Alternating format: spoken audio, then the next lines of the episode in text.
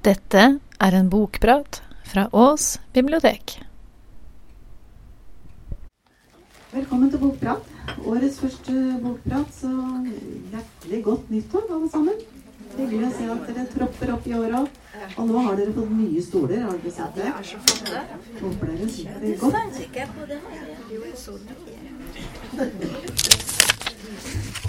Ja, det er eh, jeg som skal snakke i dag, da. Jeg heter Elin. Og jeg har lest uh, ei bok som heter uh, 'Et hummerliv' av Erik uh, Fossnes Hansen. Denne boka kom ut i fjor, i 2016. Er det noen som har uh, rekt å lese den? Nei. Da blir det helt nytt for dere alle. Men jeg hørte et intervju med Fossnes Hansen i det programmet som heter 'Brenner og bøkene'. Og da ble jeg veldig nysgjerrig. Dels nyter jeg Fossnes Hansens eh, veltalenhet. Og dels så syns jeg handlingen hørtes eh, veldig annerledes og spennende ut i forhold til andre bøker. Handlingen dreier seg jo eh, om en litt underlig families eh, strev med å få et eh, gammelt, ærverdig høyfjellshotell til å overleve. Og da jeg like før jul tilbrakte ei helg på et eh, gammelt, ærverdig høyfjellshotell, eh, så tenkte jeg at eh, nå må jeg få lest denne boka. Da boka kom ut, så ble det Så var alle spent. Eh, Fossnes Hansen han, eh, han er petimeter, det sier han sjøl. Han skriver sakte og omstendelig. Det tar lang tid mellom hver bok. Så da han da endelig skulle komme med en ny bok, så var alle spente. Men eh, han fikk egentlig ingen stående applaus fra kritikerne. Det var litt blanda. Eh, men da jeg leste boka i romjula Jeg storkoste meg. Så disse kritikerne skal han ikke la seg eh, la styre. Bokas hovedperson heter Sed, og han er en gutt på 14 år. Han er jeg-person og forteller i boka. Hans egentlige navn er Sedgwick Kumar. Og han bor sammen med besteforeldrene sine, som driver et uh, høyfjellshotell som heter Hovne. Mm, Fovnesheim. I fire generasjoner har bestefars uh, familie drevet dette hotellet. Bestemor er fra Østerrike, og hun og bestefar traff hverandre på hotellutdannelse i Linz en gang for lenge, lenge siden. Seds mor er tatt av tiden, som bestemor sier. Det betyr antagelig ikke at hun er død, men eh, at hun reiste vekk da Sed var bitte, bitte liten. Men han syns han kan eh, huske svakt en duft og eh, rødt hår. Det er det eneste han har av minner. Men henne prates det absolutt ikke om. Og det lille Seth har fått greie på, det har han tappa fra Jim. Og Jim har vært kokk på hotellet så lenge Sed har eh, levd. Men etter hvert som eh, personalet krympes, så er Jim både kokk og altmuligmann. Og etter hvert så har jo også Sed eh, begynt å fundere på at han eh, må jo ha hatt en far. Eh, og Sed er jo et underlig navn, og han skjønner jo sjøl at han er litt mørkere i huden enn folk flest i bygda. Men besteforeldrenes munner de er lukka med syv seil. Så gjennom Jim og dyras lege, faktisk, så får Sed greie på at faren hans han var en dyktig indisk lege som bodde i Norge en stund, men som er død. Sed er en underlig gutt. Og det er kanskje ikke så rart med den, voksen, med den eh, oppveksten han har. Aleine med bestemor og bestefar og Jim på et hotell oppe i fjellet et godt stykke fra både bygda og skolen, så er det jo litt vanskelig å leve som ungdom flest. Han eh, er veslevoksen og snusfornuftig. Eh, og han har lært alt om å oppføre seg korrekt. Det er jo viktig overfor hotellets gjester. Og han regner med at han skal arve hotellet en dag. Og, der, og dermed så har han jobba mye på hotellet og lært seg å jobbe hardt. Stå på. Vi er i 1980-åra i, denne- romanen. Og det infernalske Syden har gjort seg gjeldende. Det er bestefars uttrykk. Folk har slutta å reise på høyfjellshotell, så reiser de til Syden isteden. Og særlig til Benidorm. Høyfjellshoteller over hele landet de sliter for livet. Men dette blir ikke sagt med rene ord, men vi kan ane en stemning. Og det viktigste for besteforeldrene, det er å holde maska og holde seg flytende og stå på. Ikke snakke for mye om det, liksom. Og derfor så har de nå laget et eh, opplegg som heter Bryllupspakken. Som dere nå skal få høre om.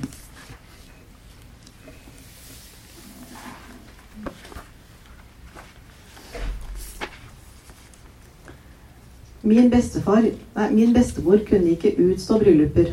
Og det var jo problematisk når det kom til stykket. For hun måtte jo arrangere en hel del.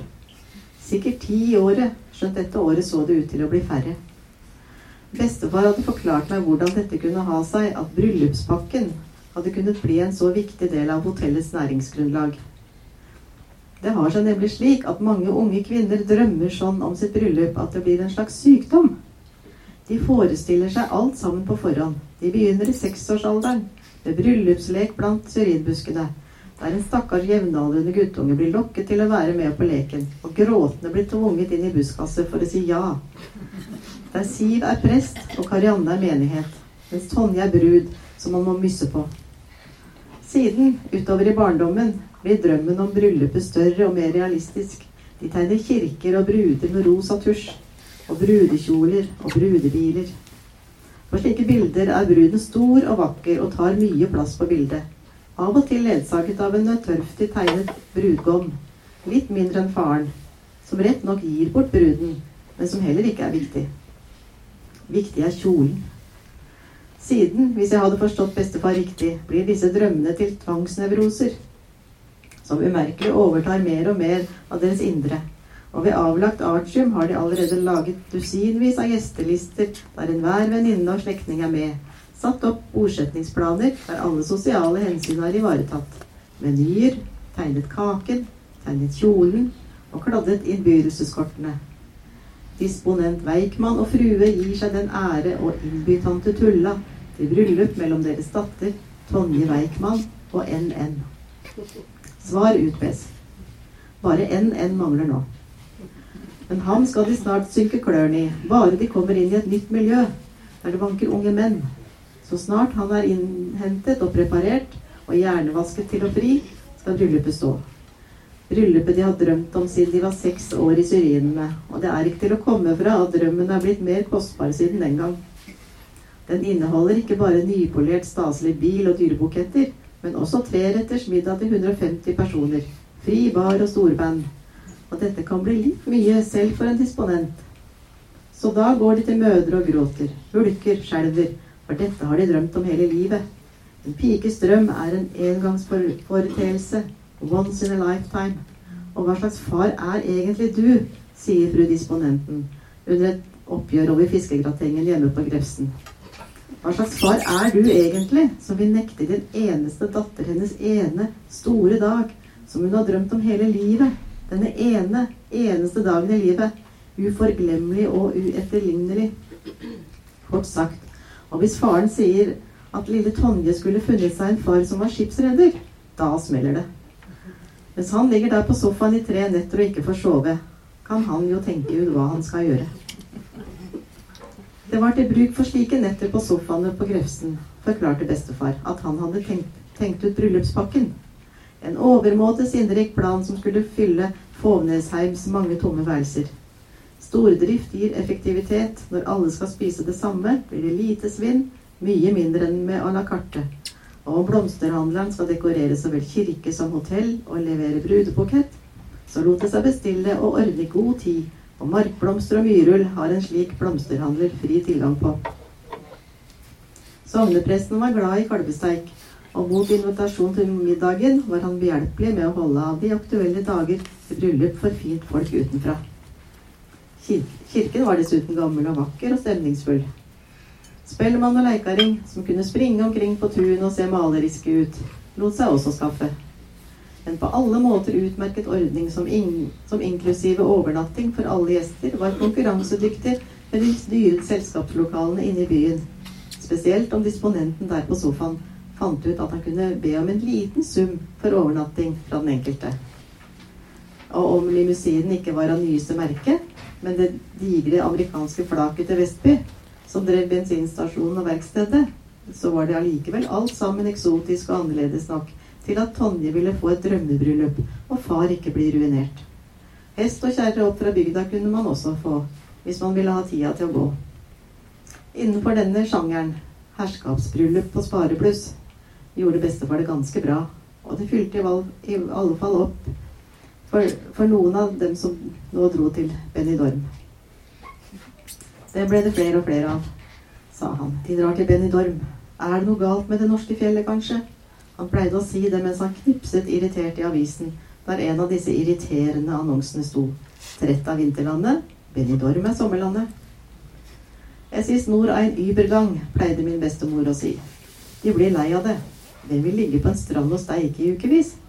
Når, når du blir lei, vil du stå på ski igjen og nyte de herlige norske fjellene og den herlige norske fjelluften. Bestefar visste godt når hun var ironisk. De Widerlichen Berge kalte hun dem altså ellers. Men han sa bare Du har nok rett. Det er bare en omgang.' Det er en mote, sa hun.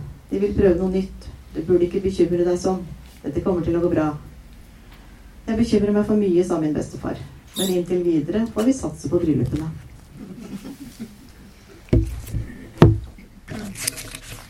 En annen eh, kategori med turister som ikke har svikta helt, det er eh, tyske turister. Av og til så kommer det busslaster med tyske sportsfiskere. Og bestefar er i sitt ess når han eh, kan stå og snakke om hotellets historie på tysk. Og Sed han blir sendt ut som kjentmann med tyskerne når de skal prøve lykken i fjellvannene. Og da marsjerer han først og synger norske folkeviser. Og så kommer tyskerne etter mens de tar seg en hikas. Og når de da er ute på, i båtene på vannene, så nekter disse tyskerne å ha på seg eh, redningsvest. Og de vil absolutt stå i båten. Og som regel går det bra. Noen av tyskerne de eh, snakker eh, ganske bra norsk, så de har nok vært i, i Norge før under helt andre omstendigheter. Rommet til Sed er det samme som eh, moren hans hadde da hun var jente. Og der finner han enkelte spor etter moren sin. En gang så finner han en krøllete lapp i en sprekk der det står eh, 'Møt meg på Olympen klokka åtte'. Og selv spekulerer veldig på hvor er Olympen? Men en dag da han er i en del av eh, hotellet som nå bare blir brukt som lagerrom, så ser han over ei dør står det 'Olympen'. Men døra er låst. Og i smug så prøver han alle de hundrevis av nøklene som er på hotellet, for å komme inn på det rommet. Men det er låst. Men han har en følelse av at han finner, vil finne ut noe om moren sin bare han kommer inn der. Sende han samler på frimerker, som mange andre gjør også. Men ikke sånne fine, fargerike, eksotiske utenlandske frimerker som eh, folk liker.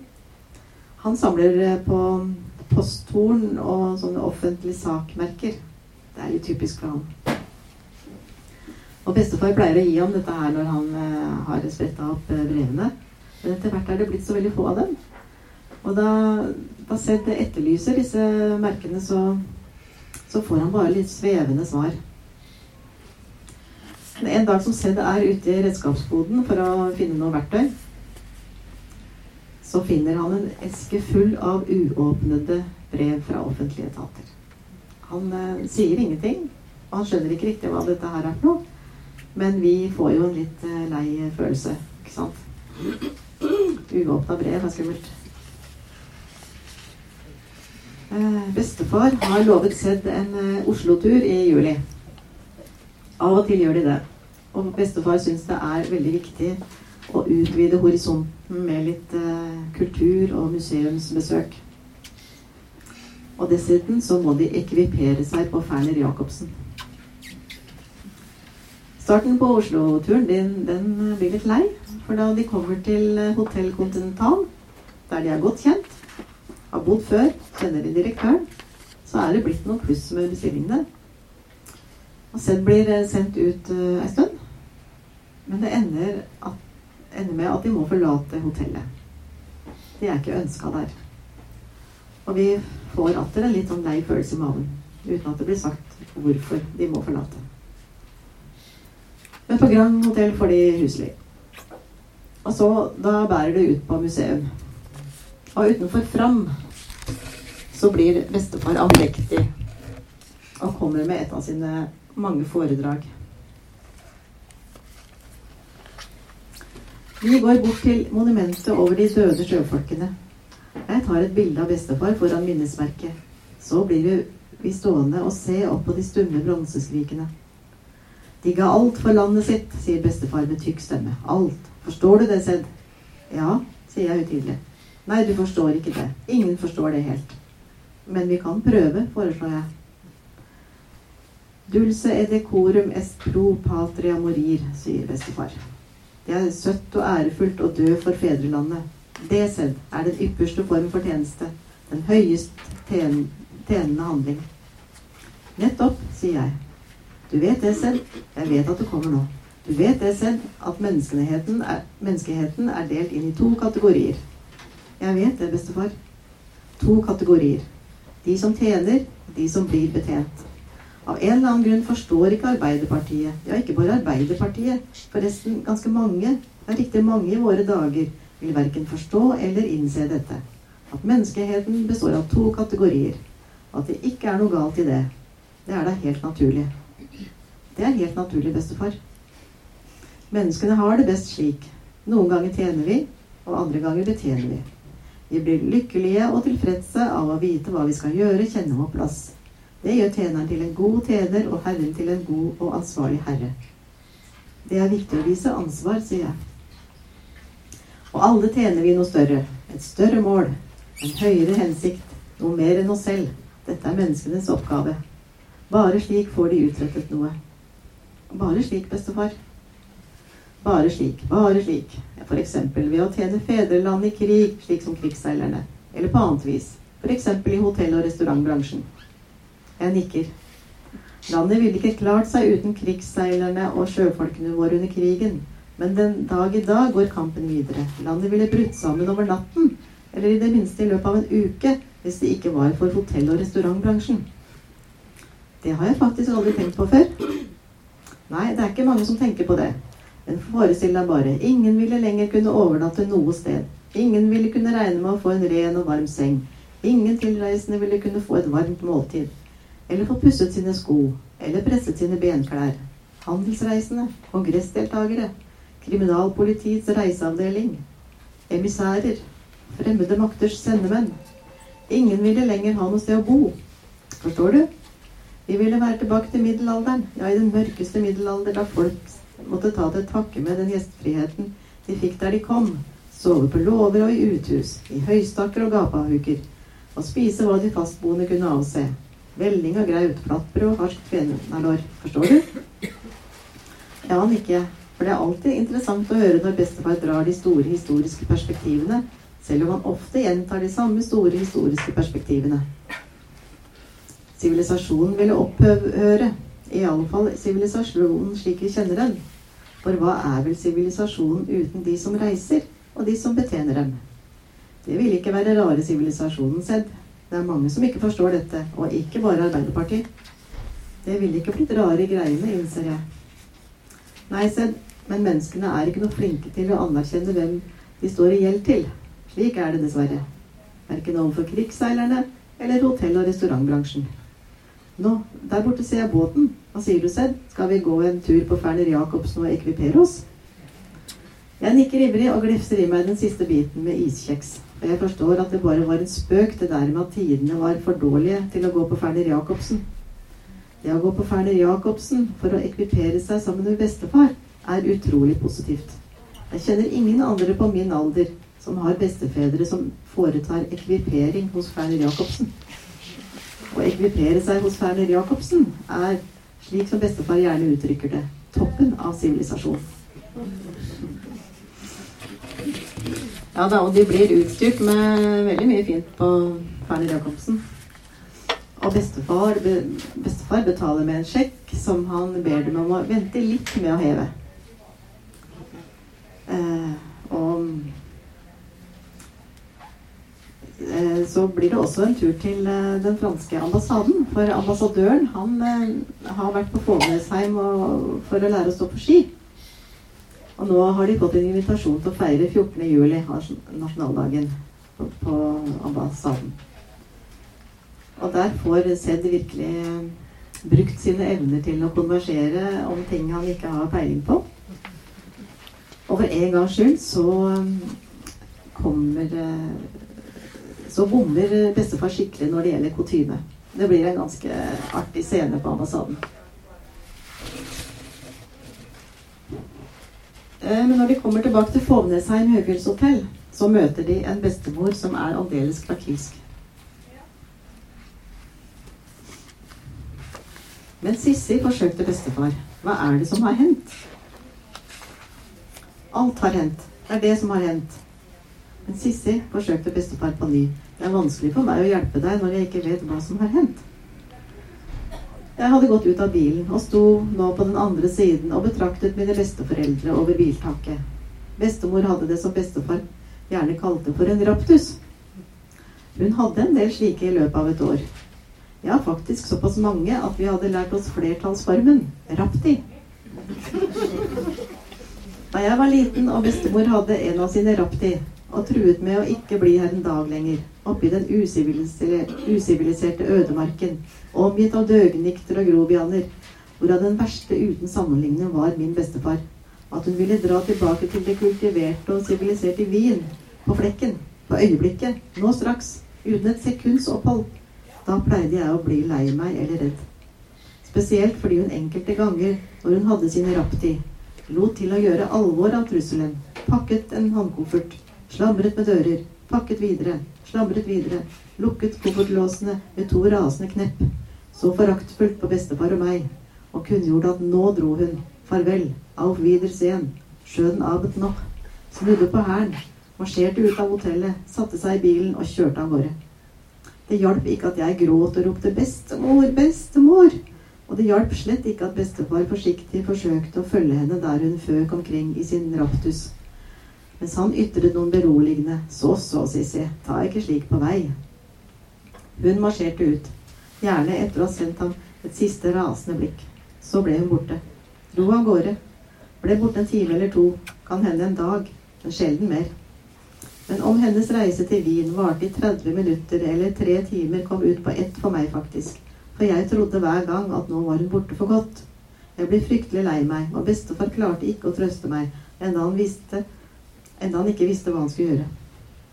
Så jeg pleide å gå inn på kjøkkenet til Jim og sette meg på gulvet ved siden av det store varmeskapet. Der var det trygt og godt. Jim pleide å trøste. Så, så, Sedd. Opp med huet. Hun kommer tilbake, vet du. Hun kommer tilbake. Gjør du ikke det bestandig? Jo da, Jim, vil jeg si. Men tenk om hun ikke kommer tilbake denne gangen. Det gjør hun, vet du. Det gjør hun, selv. Og det går over denne gangen også. Nå er det sett som greier å berolige henne, og flukten blir eh, avlyst. Men det er jo tydelig at bestemor hun er ikke helt i balanse. Og hun trives ikke veldig godt i de norske fjell. I starten av boka så dør eh, bygdas eh, banksjef på en fest på hotellet. Og bokas første setning er faktisk sånn. De var kommet til kakene da banksjef Berge brått sank sammen ved bordet og begynte å dø. Og Sed, som har kurs i, i, som har gått på kurs i Røde Kors, han gjør en heltemodig innsats for å prøve å redde banksjefen, men han lykkes ikke. Og nå er det kommet ny banksjef til bygda. Og for et hotell som er i nød, så er det særdeles viktig å ha et godt forhold til banken. Og her blir alle midler tatt i bruk, og også SED eh, blir brukt i denne sjarmoffensiven overfor banksjefen. Men dette går ikke som forventet. Kreditorene begynner å bli vrange. Og det blir stadig stillere på hotellet når det nærmer seg julebordsesongen. Og de har tidligere arrangert julebord for uh, enkelte grupper som har satt hele hotellet på huet. Og dette har de lovt seg. Dette her skal aldri skje igjen. Men nå må alt prøves. Og julebord kan være innbringende. Og dermed så er julebordet i gang.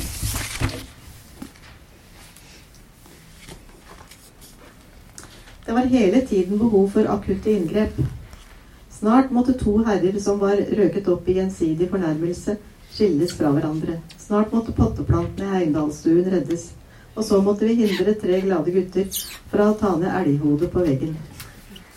Min oldefars premiesamling fra landsskytterstevnet, altså pokalene, hadde rukket å bli tatt i bruk som drikkebegre før vi kom til. På biljardbordet var en dame i ferd med å kle av seg for en mann som ikke var hennes ektemann. Ektemannen innfant seg imidlertid nokså straks, og bar av gårde med mannen hans kone ikke var gift med. Seinere fant vi denne innesperret i et avlukke på herretoalettet i kjelleren, der han lagde fryktelige lyder. Slipset som dørhåndtaket var blitt knyttet fast til vannrøret med, lot vi bli sittende, slik at han ikke slapp ut. Det virket tryggest. Alle disse tingene hver for seg var jo ting som vi som er i bransjen, har sett før. Det som var annerledes denne natten, var at nå så, alle eh, så vi alle fenomenene på én gang.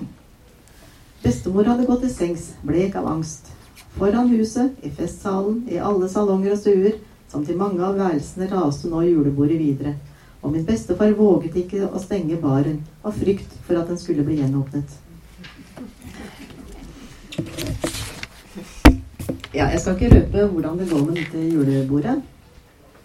Og jeg vil heller ikke røpe hva som skjer med hotellet. Men dramatikk blir det, det kan jeg love dere. Eh, og jeg kan si til slutt at eh, får eh, Han greier å få opp den døra som det står 'Olympen' over.